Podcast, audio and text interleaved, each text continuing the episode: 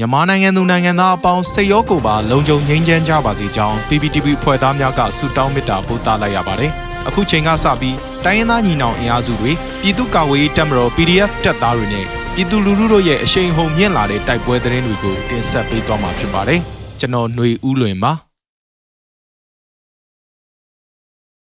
ပထမဆုံးအနေနဲ့ဖရူဆိုမြို့နယ်မှာခမာရ၄နှစ်ရှစ်တန်းနဲ့မြို့နယ်ရဲစခန်းကို KND တပ်မတော်နဲ့ KNDF ပူးပေါင်းအဖွဲ့ဝင်ဖြစ်လို့စစ်သား၃တေဆုံးတဲ့တဲ့ရင်ကိုတင်ဆက်ပေးပါပါ။ကြရပြည်နယ်ဖရူဆိုမြို့နယ်မှာဒီဇင်ဘာလ17ရက်နေ့ည8:38မိနစ်အချိန်ဖရူဆိုမြို့နယ်အတွင်းရှိခမာရ၄နှစ်ရှစ်တန်းနဲ့ဖရူဆိုမြို့မှာရဲစခန်းကို KND တပ်မတော်နဲ့ KNDF ပူးပေါင်းတပ်ဖွဲ့ကဝင်ရောက်ပစ်ခတ်ခဲ့ရာစစ်သား၃ဦးသေဆုံးပြီး9ဦးထပ်မံဒဏ်ရာရရှိကြောင်းသတင်းထုတ်ပြန်ချက်အရသိရပါတယ်။ယမန်နေ့ဒီဇင်ဘာလ17ရက်နေ့ည8:38မိနစ်အချိန်မှာဖရူဆိုမြို့နယ်အတွင်းရှိခမာယာ၄နှစ်ရှစ်တက်ကို KA နဲ့ KNDF ပူးပေါင်းတပ်ဖွဲ့ကဝင်ရောက်ပစ်ခတ်ခဲ့တဲ့တိုက်ပွဲဟာမိနစ်40ကြာမြင့်ခဲ့ပြီးစစ်ကောင်စီတပ်ဘက်က3ဦးသေဆုံးက9ဦးထပ်မံဒဏ်ရာရရှိကြောင်းထုတ်ပြန်ထားတာပါအလားတူတစ်ချိန်တည်းမှာပဲ KA နဲ့ KNDF ပူးပေါင်းတပ်ဖွဲ့ဟာဖရူဆိုမြို့နယ်မြို့မှာရဲစခန်းကိုလည်းဝင်ရောက်ပစ်ခတ်ခဲ့ပြီးအထိကိအကြဆုံးအခြေအနေမသိရှိရသေးကြောင်းနဲ့စစ်တပ်ဘက်မှလက်နက်ကြီးများနဲ့ရန်တမ်းပစ်ခတ်ခဲ့ပေမဲ့ပူးပေါင်းတပ်ဖွဲ့ဘက်မှထိခိုက်မှုမရှိကြောင်းထုတ်ပြန်ထားပါတယ်။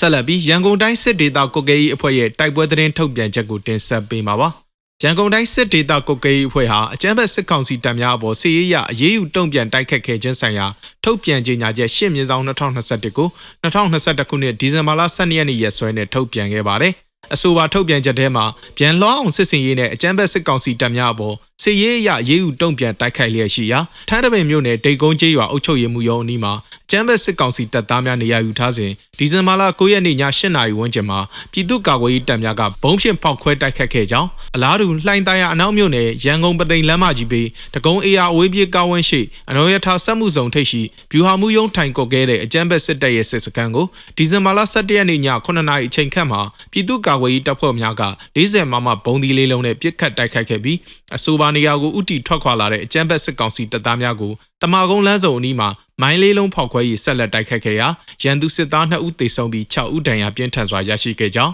တိုက်ကြီးမြို့နယ်အိုရန်ရက်ကွက်အုပ်ချုပ်ရေးမှူးရုံးရှိရှိအကြမ်းဖက်စစ်ကောင်စီတပ်များနေရာယူထားတဲ့ဘန်ကာအတွင်းကိုဒီဇင်ဘာလ12ရက်နေ့မနက်9:00နာရီချိန်ခန့်မှာပြည်သူ့ကာကွယ်ရေးတပ်ဖွဲ့များကလက်ပစ်ဗုံးနဲ့ပစ်ခတ်တိုက်ခတ်ခဲ့ရာ ရန်သူစစ်သားတအုပ်သေဆုံးပြီးတအုပ်ပေါင်ပြတ်ဒဏ်ရာရရှိခဲ့ကြောင်းရန်ကုန်တိုင်းစစ်ဒေသခွဲကော့ကဲကြီးအဖွဲ့အနေနဲ့အကြမ်းဖက်စစ်ကောင်စီတပ်များနဲ့၎င်းတို့ရဲ့လက်ပါစီများအပေါ်စစ်ရေးရအရေးယူဆောင်ရွက်မှုများယခုထပ်ပို၍ပြင်းပြင်းထန်ထန်ဆောင်ရွက်နိုင်ရေးအတွက်ကိုစွမ်းညံစွမ်းရှိသူ၍ကြိုးပမ်းဆောင်ရွက်လျက်ရှိကြောင်းထုတ်ပြန်ထားပါတယ်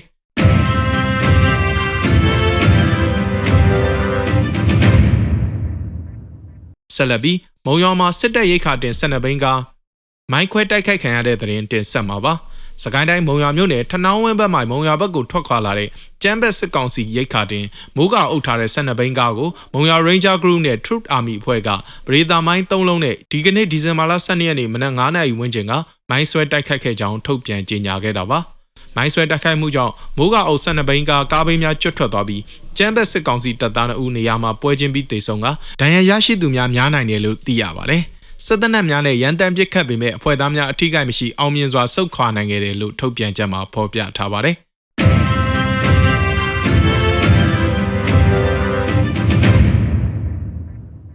ဆက်လက်ပြီးကနီနယ်တိုက်ပွဲများမှာစစ်ကောင်စီတပ်သား14ဦးထပ်မံတေဆုံး40ကျော်တန်းရရရှိပြီးစစ်ကောင်စီလက်နက်တချို့ပျောက်ဆုံးခဲ့တဲ့တဲ့ရင်ကိုတင်ဆက်မှာပါ။ ယမန်နေ့ဒီဇင်ဘာလ17ရက်နေ့ညနေ4နာရီခန့်မှာကဏီမြို့နယ်ဆယ်ရွာကျောင်းအနီးအာနာရှင်တော်လန်ရေးပြည်သူ့တပ်မတော် DRPA နဲ့ဒေသခံမဟု PDF တို့ပူးပေါင်းပြီးစစ်ကောင်စီရင်နှန်းကိုတိုက်ခတ်ခဲ့တာကြောင့်စစ်ကားတစ်စီးပျက်စီးပြီးစစ်သား14ဦးသေဆုံးတယ်လို့ DRPA ကထုတ်ပြန်ထားပါတယ်။ယမန်နေ့မနက်အစောပိုင်းကလည်း ကဏီမြို့နယ်ချမ်းသာစုဖျားကုန်းအနီးအကြမ်းဖက်စစ်ကောင်စီအင်အား40ကျော်ခန့်နဲ့ DRPA ကြောင်လုံးကြီး PDF ဒေသခံ PDF ပူးပေါင်းအဖွဲ့တို့ထိတွေ့တိုက်ပွဲဖြစ်ခဲ့ရမှာအကြမ်းဖက်စစ်ကောင်စီဘက်ကလက်နက်ကြီးများနဲ့တာမကလေကြောင်းဖြစ်မှာလာရောက်ပစ်ခတ်တာကြောင့်ပူးပေါင်းအဖွဲ့အထိကိမရှိပြန်ဆုတ်လာနိုင်ခဲ့ပေမဲ့စိုင်းကယ်ဆယ်စီးမိရှုပ်ခံလိုက်ရတယ်လို့ထုတ်ပြန်ချက်မှာဖော်ပြထားပါတယ်။ဒီဇင်ဘာလ10ရက်နေ့နေ့လယ်12နာရီကလည်းဆယ်ရာကျောင်းအနီးတိုက်ပွဲဖြစ်ပွားခဲ့ပြီးစစ်ကောင်စီတပ်သား40လောက်အထိထိခိုက်ဒဏ်ရာရရှိခဲ့တယ်လို့လည်း DRPA ကဆိုပါတယ်။ စစ်ကောင်စီဘက်ကတော့အဆိုပါတိုက်ပွဲသတင်းတွေကိုအတီးပြုတ်ဖို့ညှင်းဆိုထားပြီးစစ်ကောင်စီနဲ့နှီးစပ်တဲ့သတင်းရင်းမြစ်ကတော့တိုက်ပွဲဖြစ်တာကိုအတီးပြုတ်ပြီးလက်နက်တချို့ပါပျောက်ဆုံးခဲ့တယ်လို့ဒေသခံသတင်းရင်းမြစ်ဖြစ်တဲ့ Channel Review ကိုပြောဆိုခဲ့ပါတယ်။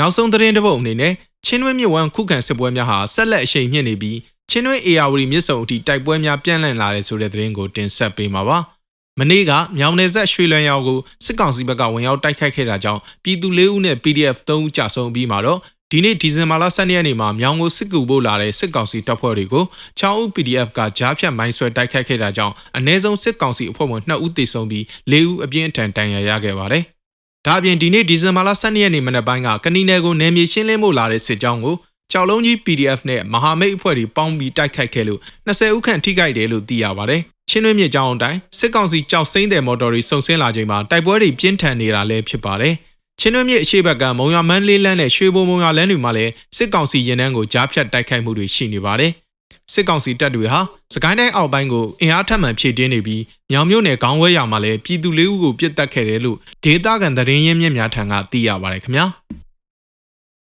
ရေတော်ဘုံအောင်ရမည်ရေတော်ဘုံအောင်ရမည်